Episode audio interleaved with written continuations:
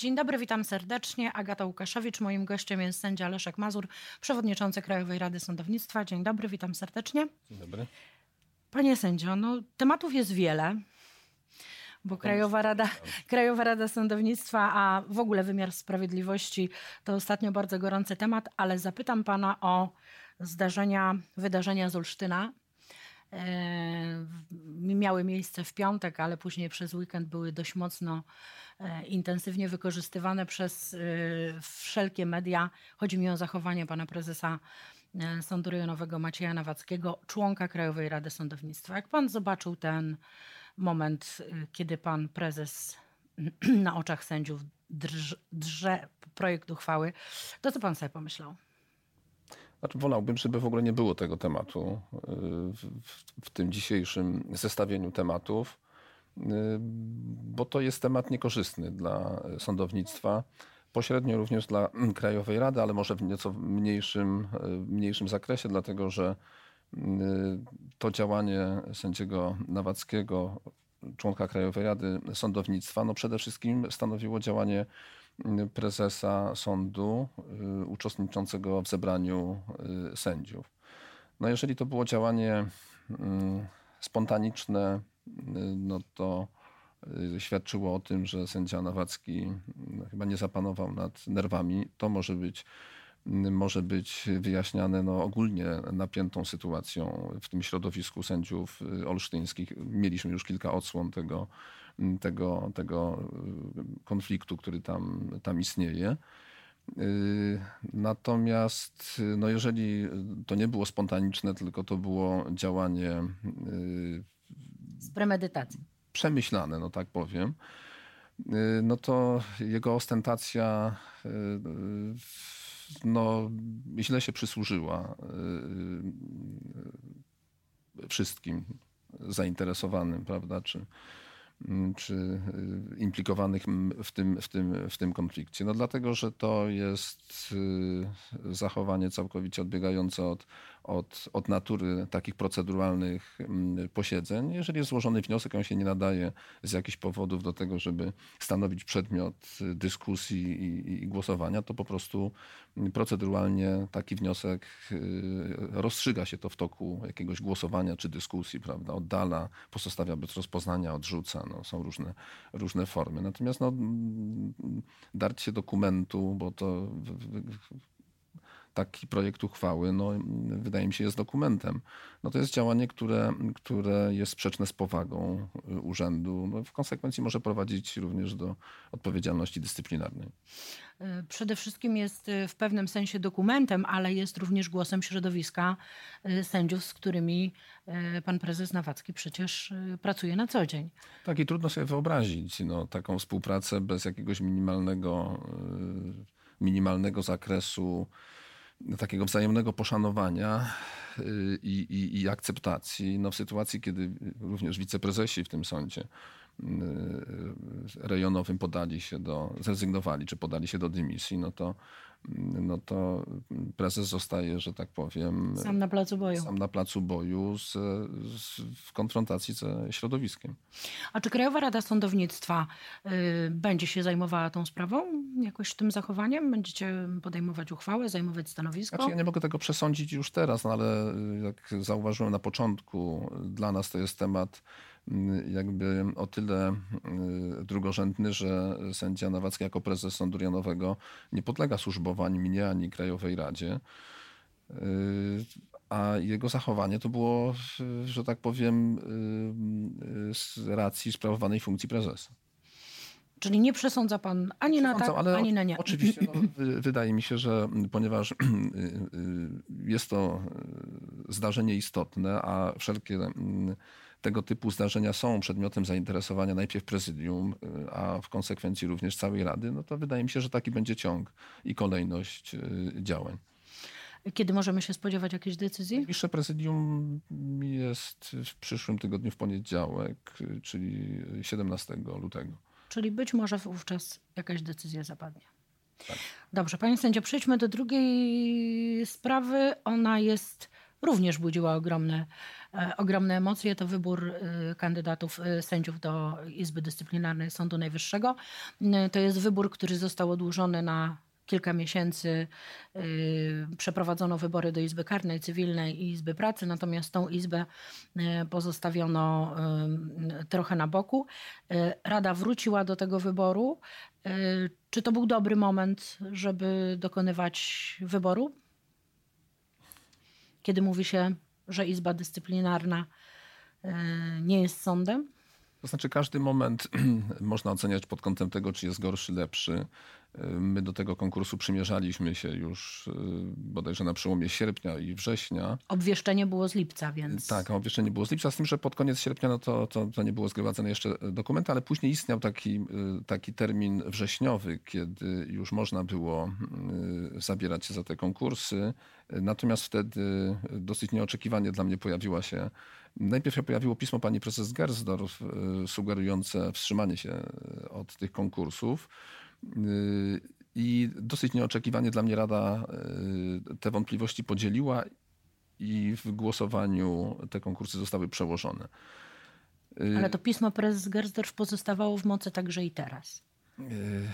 I pojawiły się również głosy, żeby ten konkurs Znaczy ja, jak, jak mówię, odłożyć. ja już wtedy nie podzielałem argumentów podniesionych w, w tym piśmie, dlatego że one stanowiły podsumowanie argumentów przytaczanych wcześniej, i myśmy się do nich ustosunkowywali, myśmy je analizowali i w moim przekonaniu to pismo w istocie niczego nowego nie wnosiło, stanowiło tylko przypomnienie pewnych argumentów.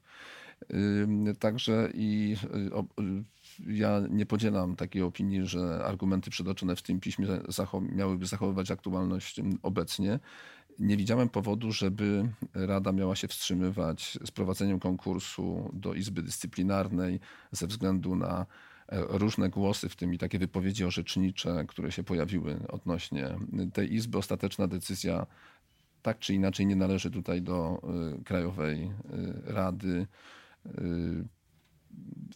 Wygląda na to, że również w przypadku tego konkursu będzie postępowanie odwoławcze przed Sądem Najwyższym w Izbie Kontroli Nadzwyczajnej, a ostateczna decyzja należy do y, prezydenta. Natomiast rzeczywiście ten konkurs wzbudził y, w samej Radzie y, pewne dodatkowe, no, mogę nawet powiedzieć napięcia, co było widać po tym posiedzeniu, w którym ja nie uczestniczyłem.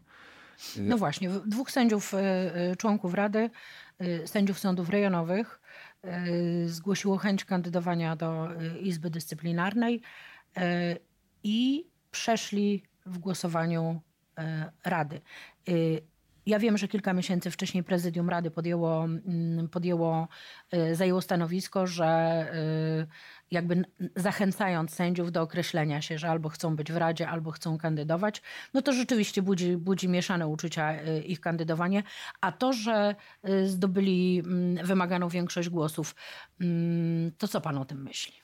Znaczy, no, zdobyli wymaganą większość głosów, co do tego nie ma wątpliwości, ale to było w obu przypadkach 9 głosów za. Przypomnę, że Rada liczy łącznie 25 osób, aczkolwiek nie wszyscy aktywnie w pracach Rady biorą udział. Więc przy określonym kworum te 9 głosów wystarczyło, żeby, żeby tą y, większość mieć. Ale sporo głosów było wstrzymujących się, czy głosów przeciwnych. Myślę, że część członków Rady y, kierowało się y, takimi względami, które podniesione zostały w stanowisku y, prezydium kilka miesięcy temu, bodajże we wrześniu, 16 lub 17 września, chyba to stanowisko prezydium zostało wyrażone, no, którego, gdzie przytoczone zostały pewne argumenty. Ja już do tego nie będę wracał, no ale generalnie konkluzja była taka, że albo, albo, albo. należy zrezygnować z kandydowania i pozostać w Radzie, albo należy zrezygnować z członkostwa w Radzie i brać udział w tym konkursie. Pan się wyłączył, panie sędzio, dlatego że nie chciał pan brać w tym udziału? Dlaczego pan się wyłączył? To znaczy, ja generalnie y, odwołuję się do przepisów, które istnieją w ustawie o Krajowej Radzie Sądownictwa, zbliżonych do y, przepisów regulujących instytucję wyłączenia się sędziego w, no, w sprawach przez niego prowadzonych. Takie przepisy proceduralne istnieją w różnych procedurach. I ja się generalnie, bo to jest indywidualna decyzja każdego, każdego z członków, ja się wyłączałem dotychczas praktycznie we wszystkich konkursach, w których brał udział członek Rady, ale szerzej. Wyłączałem się z konkursów, gdzie y, kandydatami byli sędziowie z mojego okręgu, okręgu częstochowskiego, a nawet z apelacji y, katowickiej, gdzie, ponieważ mój brat jest prezesem sądu apelacyjnego w Katowicach, więc żeby nie istniały tutaj jakiekolwiek wątpliwości, że możemy coś sobie mm, prawda, uzgadniać w tych konkursach. E, to, to z tego powodu się. Mm, no i tu jest jakby sytuacja jest czysta. A panie sędzio, a czy y, pana zdaniem awans z rejonu do Sądu Najwyższego to jest taka naturalna droga e, zawodowa sędziego? No oczywiście, że nie i to o tym między innymi mowa była w stanowisku prezydium, że jest to, e, jest to sytuacja mm, wyjątkowa. No, nie mieliśmy dotychczas e, z sytuacjami tego rodzaju, aczkolwiek przepisy przewidują możliwość y, no tak. jakby y, przeskakiwania pewnych, pewnych szczebli. Kiedyś to było bardzo, bardzo hierarchicznie y, ustalone. Teraz istnieje możliwość wzięcia udziału w konkursie z sądu rejonowego do sądu. Tym bardziej, że sędziowie byli przecież w delegacjach, yy, jeśli tak. chodzi o sądy tak. wyższej no instancji, jednak, tylko no jednak... Yy, skok na same szczyty wymiaru, wymiaru sprawiedliwości, czyli do Sądu Najwyższego, no, powinien się odbywać jednak z w sposób naturalny. Sposób taki, gdzie sprawdzenie y, y, tych kompetencji następuje na y, tych wcześniejszych etapach w związku z tym ryzyko przekroczenia granicy tych, tych, tych swoich kompetencji no jest jednak mniejsze wtedy.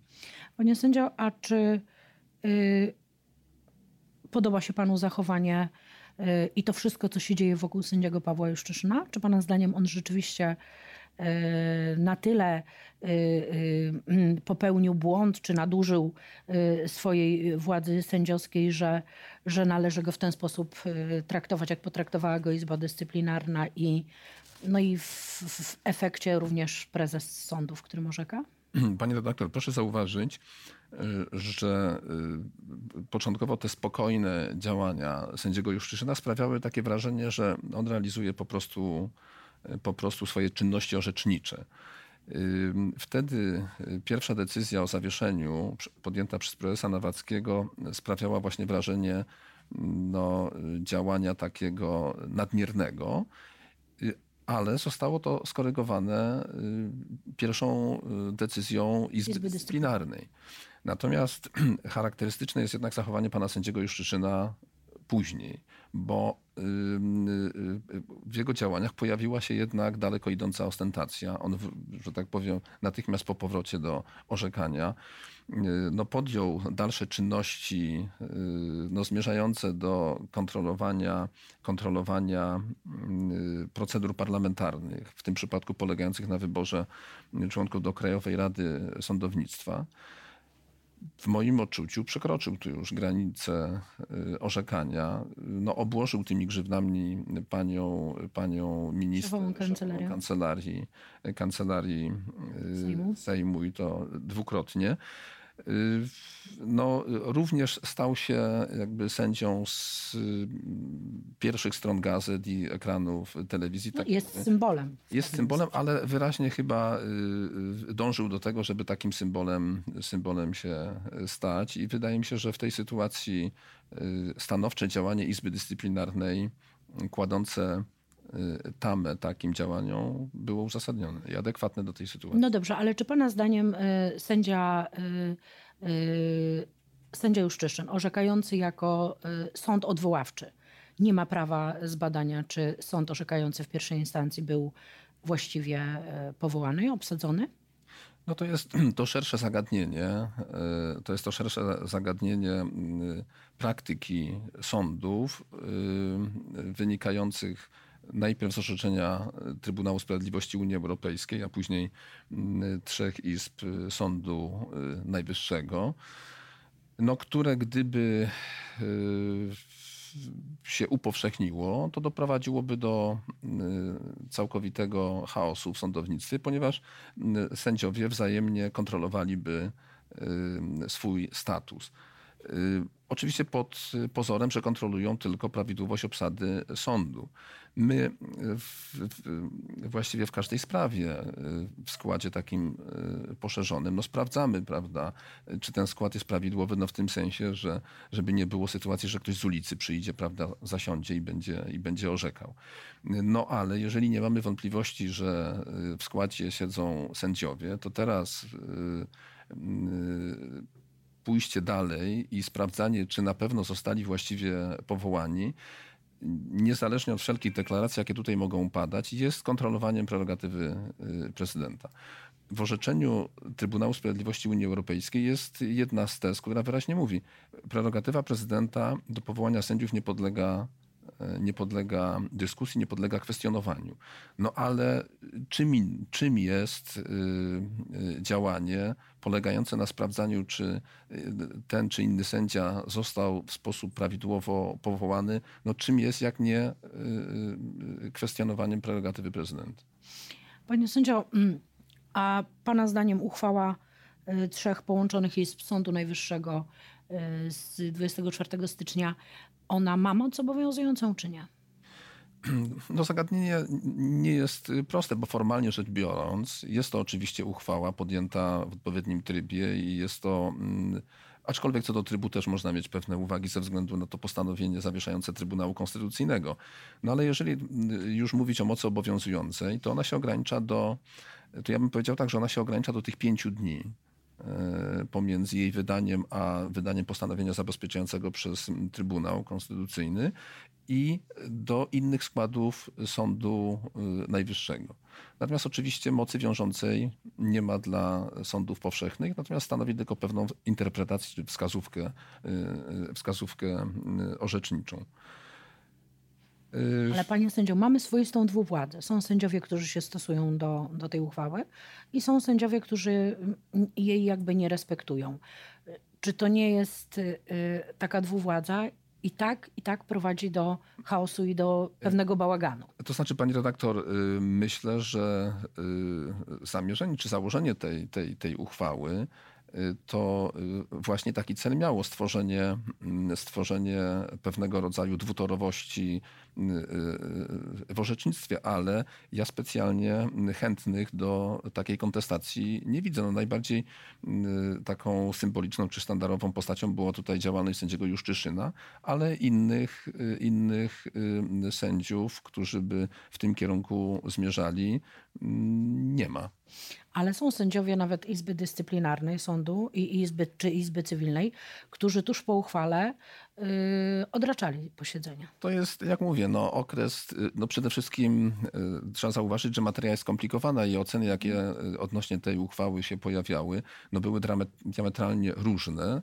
No, ze względu na to, że sprawa jest skomplikowana do oceny prawda, pod różnymi względami, pod proceduralnym względem y, zakresu obowiązywania unormowania tej materii, bo inaczej się w tej uchwale traktuje sądy administracyjne, inaczej powszechne i wojskowe, inaczej Sąd Najwyższy, a jeszcze inaczej Izbę Dyscyplinarną, prawda? A rozbieżności w ocenach są takie, że Ministerstwo Sprawiedliwości mówi, ta, tej uchwały nie ma, ona jest absolutnie nieważna, ponieważ y, ze względu na postanowienie, na spór kompetencyjny w oparciu o artykuł 86 Konstytucji i wydanie tego postanowienia o zawieszającego stosowanie tej uchwały, y, uchwała w ogóle, czy w ogóle wszelkie działania podmiotów zaangażowanych w ten spór kompetencyjny, taka uchwała nie mogła być podjęta. No z drugiej strony mamy profesora Strzembosza, który, który mówi, to jest historyczna, historyczna uchwała.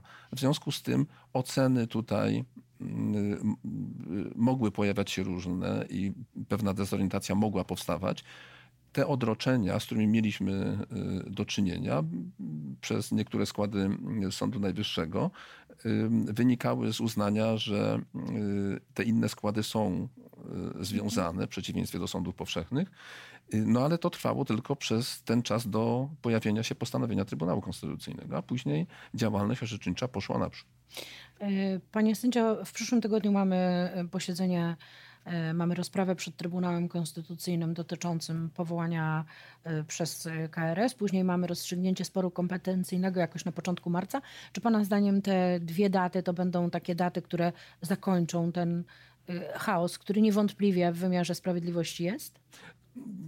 Trudno powiedzieć, czy one na pewno zakończą, bo tego rodzaju spory no, mają tendencję, pewną bezwładność, one się, one się ciągną, ale na pewno będą stanowiły istotne, istotne yy, znaki na tej mapie drogowej. Yy, I to postanowienie zabezpieczające Trybunału Konstytucyjnego, ono już spowodowało bardzo istotne wyhamowanie nastrojów, prawda, i tych, tej dezorientacji, y, takie zamrożenie, prawda. Natomiast y, po y, rozstrzygnięciach finalnych no, oczekujemy, oczekujemy dalszej stabilizacji, przemyślenia tego, co Trybunał Sprawiedliwości, Trybunał Konstytucyjny zrobi i jak to uzasadni.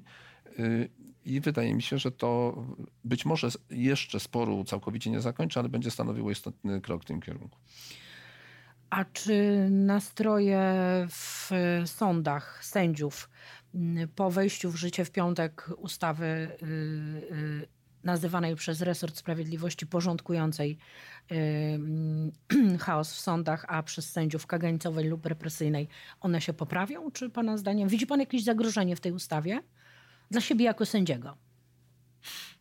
Ja dla siebie takiego zagrożenia nie widzę, dlatego że ja nigdy nie miałem skłonności najmniejszych do y, działań grupowych. Starałem się raczej samodzielnie oceniać, oceniać różne zdarzenia. Nie miałem skłonności do działań politycznych czy takich parapolitycznych, do brylowania w mediach y, i generalnie do politykowania byłem po prostu od tego całkowicie odległy. Nie zapisywałem się nigdy do żadnych e, stowarzyszeń, które no niestety mają, mają nazwę stowarzyszeń, ale czasami ich działalność przypomina działanie partii politycznych. To jest taka działalność, która y, stara się jakoś, y, jakoś agregować, zbierać poglądy, wpływać na poglądy sędziów, którzy powinni być związani przecież tylko sumieniem i ustawą, a tymczasem jak się zapiszą do jakiejś organizacji, to są związani statutem, uchwałami, opiniami kolektywów różnych itd. Tak Gdyby y, zaangażowanie w działalność taką zbiorową było mniejsze, a każdy sędzia kierował się własnym rozumem, sumieniem i, i ustawą, to mielibyśmy zakres y, i skala problemów byłaby znacznie, znacznie mniejsza. Ta ustawa przypomina o tych istotnych granicach, o, o tym, czego sędziemu na pewno robić nie wolno i w tym sensie ona, ona wyznacza te granice w sposób taki niedomyślny, tylko bardzo, bardzo jednoznaczny i myślę, że na obecnym etapie to jest konieczne. A czy ona nie jest zbyt rygorystyczna, skoro mówi się nawet o złożeniu z urzędu sędziów, którzy będą brać udział w debacie publicznej, będą, ośmielą się powiedzieć, yy, wypowiedzieć krytycznie na temat władzy ustawodawczej czy władzy wykonawczej? Pani redaktor, yy, no, sankcja jest zawsze jakoś dopasowana, czy powinna być dopasowana do do skali przewinienia, do, do, do zagrożenia, jaka płynie z określonego zachowania. Jeżeli mamy mm, działania polegające na podważaniu statusu innych, innych sędziów, czyli rzecz absolutnie, absolutnie podważającą e, funkcjonowanie wymiaru sprawiedliwości, które przecież oparty w przypadku statusu sędziego jest o, o zasadę e, nieusuwalności, bo to jest zasadnicza gwarancja jego niezawisłości. Jeżeli zasiejemy ten niepokój, i, i, i, ten sędzia będzie sprawdzany w tym postępowaniu, może w innym, może jeszcze kolejnym i nigdy nie wiadomo, kiedy, kiedy ten test niezależności tak zwanej ma się skończyć. No to przecież rozsiewamy y, niepokój y, y, o niesłychanym rozmiarze zarówno w samym sądownictwie, jak i pośrednio przenosimy to na społeczeństwo, które nie, nie widzi, no że jeżeli, jeżeli sądownictwo samo e, sobie nie wierzy i, i, i, zaczyna się jakoś, nie wiem, sprawdzać, atakować, no to społeczeństwo też nie będzie miało zaufania do takiego sądownictwa.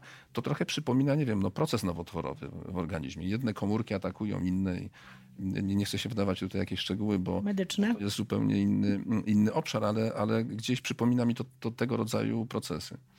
Czyli co, panie sędzio, czekamy na piątek, czekamy na wyrok Trybunału, czekamy na wejście w życie nowej ustawy mm, i pewnie spotkamy się za jakiś czas i porozmawiamy o tym, co się e, nowego wydarzyło. Miejmy nadzieję, że będzie to zmierzało raczej w stronę kompromisu i spokoju niż kolejnej rewolucji w wymiarze sprawiedliwości. Dziękuję. Ja, ja mam takie, taką, taką nadzieję i więcej powiem, mam takie przekonanie, że tak to będzie.